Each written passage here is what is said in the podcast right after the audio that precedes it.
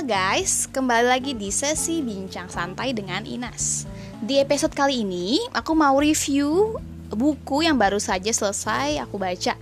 Judulnya Seven Habits of Highly Effective People by Stephen R. Covey uh, Atau kalau terjemahin bukunya nih judulnya 7 kebiasaan untuk membentuk pribadi yang efektif kayak gitu Nah, ini buku e, menurut saya udah sangat familiar ya atau sering ditemukan di toko-toko buku terdekat karena memang e, terbitan pertamanya itu udah lama banget, sekitar 28 tahun yang lalu.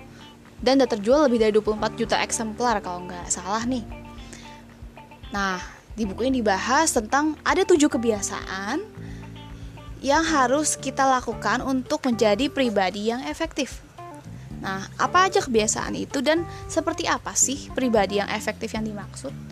Untuk lebih lanjutnya yuk kita langsung uh, mulai ke kebiasaan yang pertama itu apa?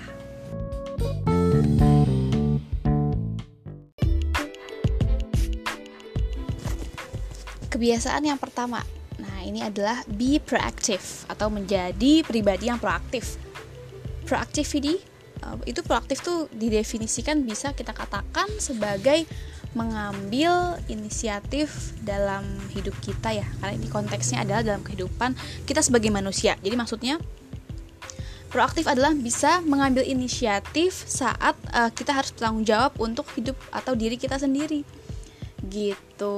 Nah manusia itu kan diberikan anugerah nih ya untuk bisa berpikir dan mengontrol hidup mereka dan bahkan kita bisa juga mengevaluasi dan belajar dari pengalaman orang lain.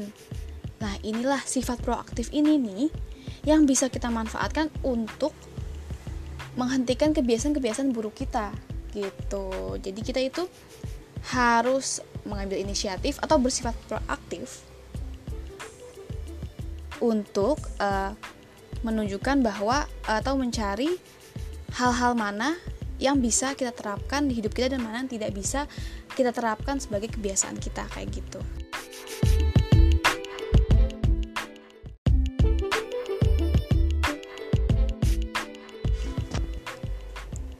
Masih soal uh, mengambil inisiatif nih ya dalam konteks proaktif. Jadi memang sifat alami kita sebagai manusia itu adalah untuk bertindak jadi kita yang bertindak bukan kita justru yang pasif uh, diarahkan gitu loh. Kita punya kemampuan itu. Nah jadi kemampuan dasar untuk bertindak ini yang mendorong kita untuk menciptakan uh, situasi atau lingkungan sesuai dengan yang kita inginkan. Jadi gini kalau kita pengen memiliki pekerjaan maka kita harus menunjukkan inisiatif atau proaktif untuk mendapatkan hal tersebut kayak gitu. Jadi uh, kita harus inisiatif untuk belajar misalnya soal-soal seleksi masuk pekerjaan tersebut atau mempelajari bidang industri pekerjaan yang kita inginkan bahkan hingga ke eh, masalah-masalah uh, spesifik terkait pekerjaan tersebut. Nah ini inilah yang dinamakan uh, proaktif dalam hidup yang akan membuat hidup kita untuk ke depannya itu menjadi lebih baik lagi. Karena kita memiliki sifat proaktif dan kontrol diri terhadap kehidupan kita sendiri, bukan kita yang dikontrol. Seperti itu.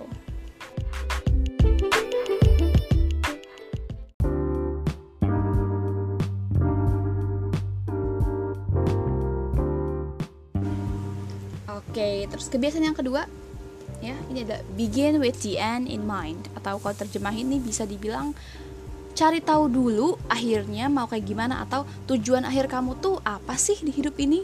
Itu yang paling penting harus kamu uh, ketahui sebelum kamu menjalankan hari-hari kamu.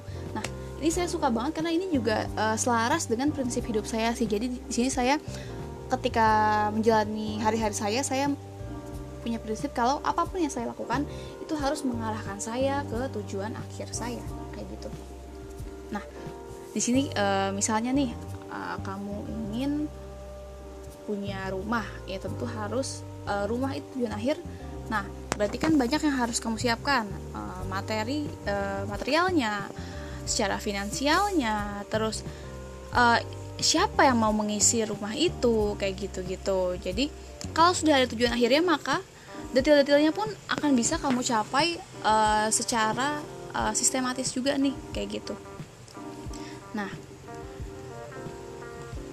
untuk di sini juga uh, Coven uh, Covey penulis bukunya menjelaskan kalau kalau kita sudah punya misi hidup terus ditambah lagi kita itu proaktif dalam menjalani hidup seperti uh, poin pertama tadi.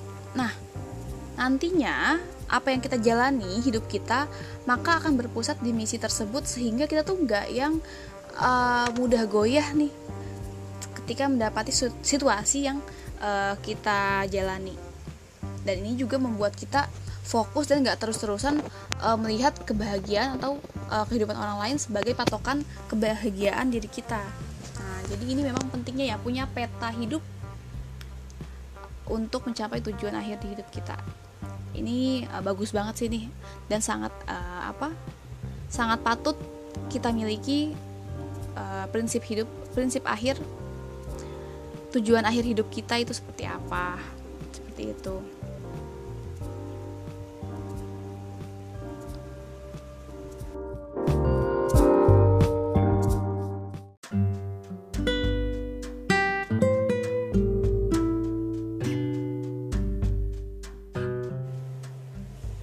kebiasaan yang ketiga kita masuk yang ketiga nih ya nah di sini Kovi menjelaskan tentang put first things first. Atau bisa dibilang ini seperti ketahui prioritas anda atau man, uh, tentukan mana sih yang harus kamu uh, kerjakan lebih dulu gitu. Jadi tentang prioritas nih ya untuk habit ketiga ini. Jadi gini dalam kehidupan sehari-hari sepatutnya kita itu sudah tahu hal mana yang harus kita dahulukan dan mana yang tidak. Kalau kalian pernah bikin grafik uh, urgent not urgent, important and not important.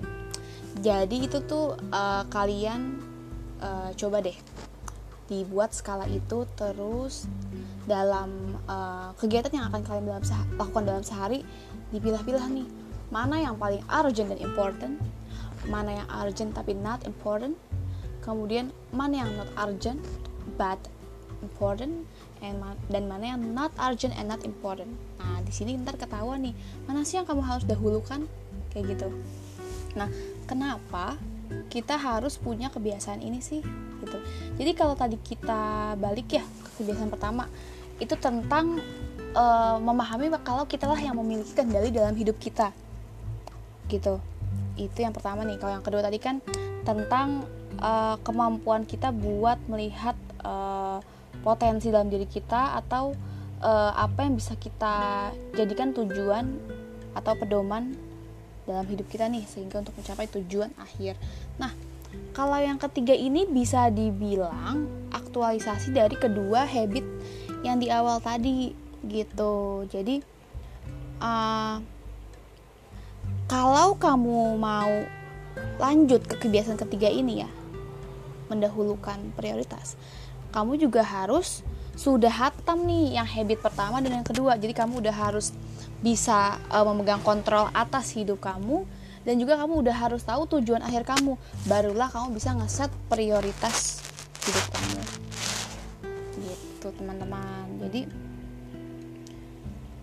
uh, kita nggak bisa uh, fokus kepada prinsip tanpa jadi fokus sama uh, apa tujuan kita tanpa harus tahu dulu paradigma dan uh, paradigma kita dan bagaimana kita mampu menyelaraskannya dengan prinsip hidup kita. Jadi untuk mampu membuat prioritas tentu harus ada dulu tujuannya apa dan keteguhan hati kita atau kemampuan kita untuk mengontrol agar kita tetap di jalur yang udah kita buat nih agar eh, hal-hal uh, yang memang harus kita dahulukan beneran akan kita dahulukan. Seperti itu. Nah untuk hal ini baiknya emang kita tuh ditulis ya ditulis atau kalau sekarang kan era digital nih bisa banget gunakan aplikasi-aplikasi yang uh, memudahkan kalian untuk menulis uh, hal-hal yang diprioritaskan untuk dilakukan di dalam uh, satu hari nih. Bisa harian, mingguan, bulanan. Yang semakin detail semakin bagus. Karena akan semakin jelas juga dong kita punya gambaran apa yang mau kita lakuin. Nah kebiasaan ini kalau kita terus menerus lakukan pasti akan memberikan efek positif di hidup kita.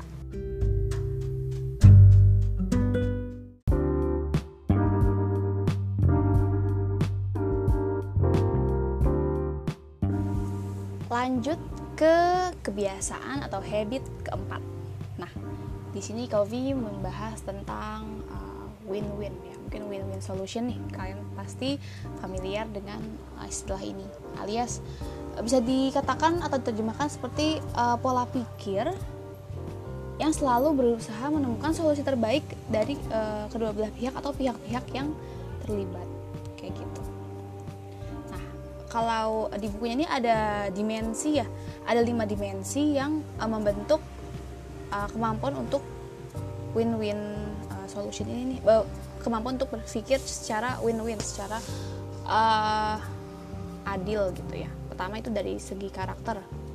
Karakter diri terus integritas terus juga ada uh, maturity atau uh, kematangan ya apa kedewasaan diri terus ada uh, kondisi mental diri dan dari uh, hubungan. Nah, kelima inilah yang membentuk kemampuan kita untuk mencari uh, atau berpikir secara win-win. Jadi ketika kita dihadapkan kepada situasi tertentu, pola pikir kita itu harus uh, bisa selalu menemukan yang terbaik bagi uh, kedua belah pihak. Jadi tentang sikap dasar kita itu kalau berinteraksi itu gimana untuk menahan agar jadi tidak dominan tidak egois tidak superior kayak gitu. Jadi ini juga bisa nyinggung ke kemampuan kita untuk mendengarkan orang lain nih teman-teman. Karena kalau kita nggak bisa mendengarkan uh, orang lain tentu kita juga tidak bisa menemukan solusi terbaik untuk kita dan orang tersebut dengan adanya habit atau kebiasaan ini kita tuh jadi bisa uh, mengambil pilihan yang tepat di antara banyaknya pilihan yang ada di situasi tersebut. Kayak gitu kurang lebih nih kalau untuk yang habit keempat.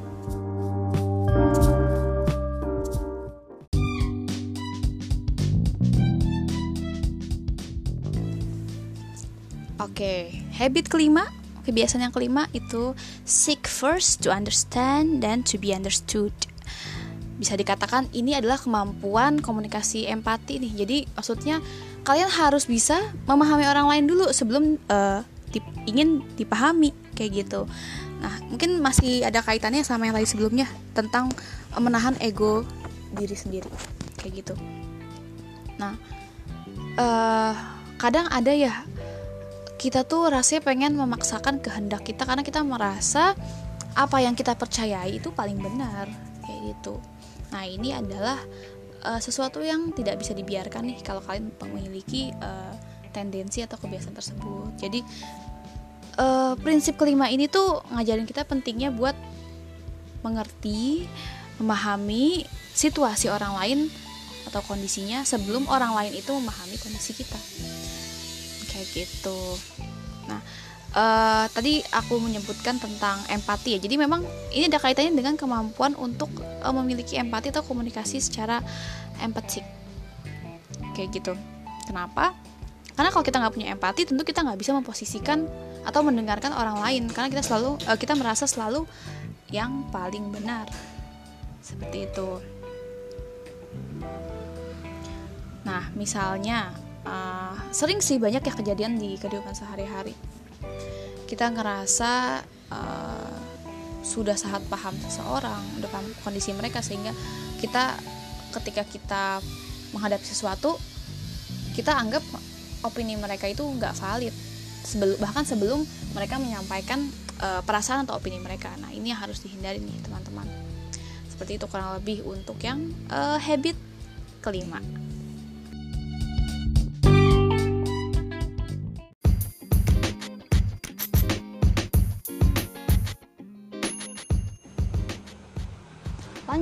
ke habit number 6 atau kebiasaan nomor 6 ini ada synergize uh, principles of creative cooperation.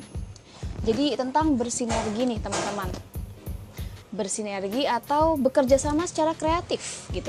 Ini jadi membahas tentang kemampuan kita untuk memiliki kemampuan untuk bersinergi dengan orang lain. Jadi misalnya nih mungkin kita sangat mahir nih dalam sebuah skill sebuah hal tapi itu percuma kalau kita nggak mampu bersinergi dengan orang lain untuk menyalurkan kemampuan kita itu.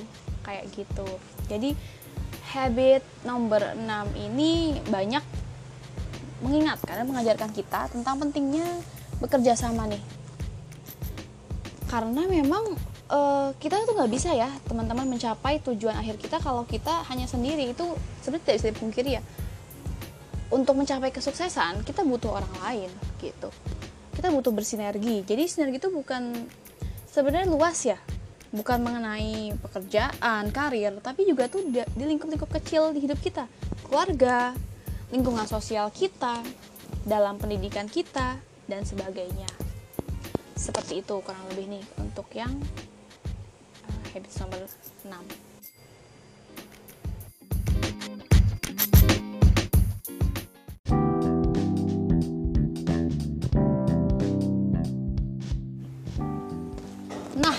masuk ke habit number 7. Ini ada sharpen the soul, istilah yang diberikan oleh Covey. Kalau kita terjemahin sharpen the soul itu kayak asah gergajimu gitu. Gergaji ini dalam arti diri kamu sendiri. Jadi kamu adalah gergaji hidup kamu ya dalam tanda petik. Kenapa? Jadi di sini yang perlu diasah itu ada empat aspek guys. Pertama, physical, spiritual, mental, dan social. Ini adalah aset terbaik yang kamu miliki ya. Jadi kamu sendiri ini. Kamulah kunci dari uh, untuk mencapai pribadi yang efektif seutuhnya didukung dengan enam kebiasaan lainnya. Kayak gitu. Jadi kenapa sih di uh, Kofi mengambil uh, kiasan mengasah gergaji? Jadi gergaji itu kan sebelum dipakai untuk memotong kayu harus diasah dulu. Gini. Jadi kalau bisa dikatakan lebih baik menghabiskan waktu mengasah gergaji tersebut agar bisa memotong kayu dengan cepat daripada langsung menggunakan gergaji tersebut untuk memotong batangan kayu. Nah, itu adalah kiasan yang bisa kita ambil menjadi fokuskan untuk mengasah empat aspek hidup kita tadi, fisik, spiritual, uh, social, sama emosional. At least minimal satu jam per hari lah untuk uh, waktu yang bisa kita luangkan buat mengasah empat aspek ini. Nah, ketika kamu sudah mampu mengaplikasikannya nah seiring berjalannya waktu dengan konsistensi ketujuh habit ini maka akan membuat diri kamu menjadi pribadi yang efektif seutuhnya. Kalau kita review balik lagi nih tadi ya kamu sudah mampu memegang kendali atas hidup kamu kamu sudah tahu tujuan kamu kayak gitu. Terus selanjutnya kamu sudah uh, bisa memberikan ruang ke orang lain alias menekan ego kamu. Selanjutnya kamu bisa menemukan win-win solution dalam setiap masalah yang kamu hadapi. Terus juga kamu sudah memiliki empati. Kamu mampu bersinergi dan pada akhirnya diri kamulah nih yang harus kamu asah tadi di habit ketujuh. Seperti itu. Oke. Okay. Uh, eh, mungkin kurang lebih itu yang mau aku share hari ini tentang buku ya memang ini sangat bagus banget ya untuk memotivasi diri kita untuk menjadi pribadi yang lebih baik. Jadi memang mungkin uh, sulit ya kalau langsung ke tujuh ke tujuh habit itu kita aplikasikan. Jadi it's okay. Start small but consistently. Mulai aja dulu dari uh, hal-hal terkecil. Satu satu setiap harinya. Catat progres kalian evaluasikan apa yang kurang. Nah inilah nanti yang akan uh, membuat kalian jadi uh, pribadi yang lebih baik karena kan memang kalau kata Aristoteles uh, kita adalah uh, akumulasi dari hal-hal yang kita lakukan setiap hari jadi nggak ada yang tidak mungkin walaupun uh, terlepas dari seberapa kecilnya kebiasaan atau hal baru yang kamu lakukan setiap harinya. Yang penting adalah konsistensi. Oke, okay. mungkin sekian dari saya Inas. Uh, I am out. So see you on the next uh, sharing session. Bye bye.